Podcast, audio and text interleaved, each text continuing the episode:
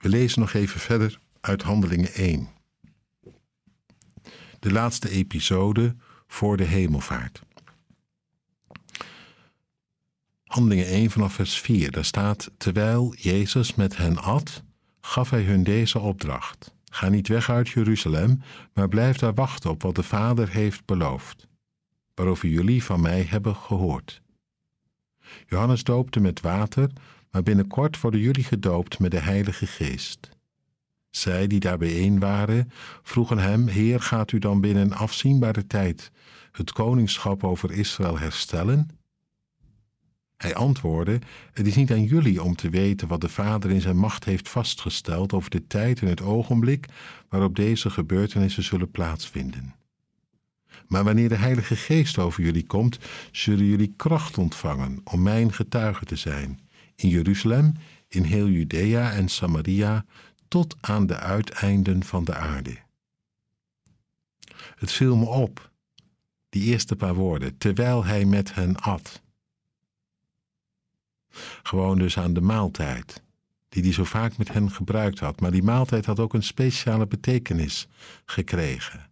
Als hij het brood brak, als de beker rondging, dan was het toch ook altijd op de een of andere manier het denken aan zijn liefde tot in de dood.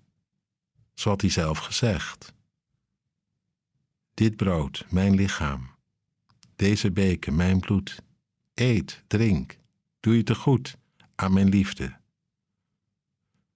Terwijl hij met hen at, zei hij: Maar dit is niet iets voor jullie alleen, dit is iets voor de hele wereld. Daarom de opdracht: niet weg te gaan uit Jeruzalem, over te gaan tot de orde van de dag, maar te wachten op de uitstorting van de geest, om in de kracht van die geest erop uit te gaan. Zij ja, zij zaten toch nog een beetje vast in hun oude format. Zult u dan nu het koninkrijk oprichten? Die gedachte bleef maar komen, net als nu soms. Dat mensen denken: ja, het moet nu toch een keer doorbreken, dat van Jezus. Glorie, kom op. De kracht van Hem, die willen we zien. En dan op zo'n manier dat het al een beetje hemel op aarde wordt. Een soort onuitroeibare neiging om vooruit te grijpen op dat wat toekomst is. Niet doen, zei Jezus, dan vergis je, dan loop je mee vast.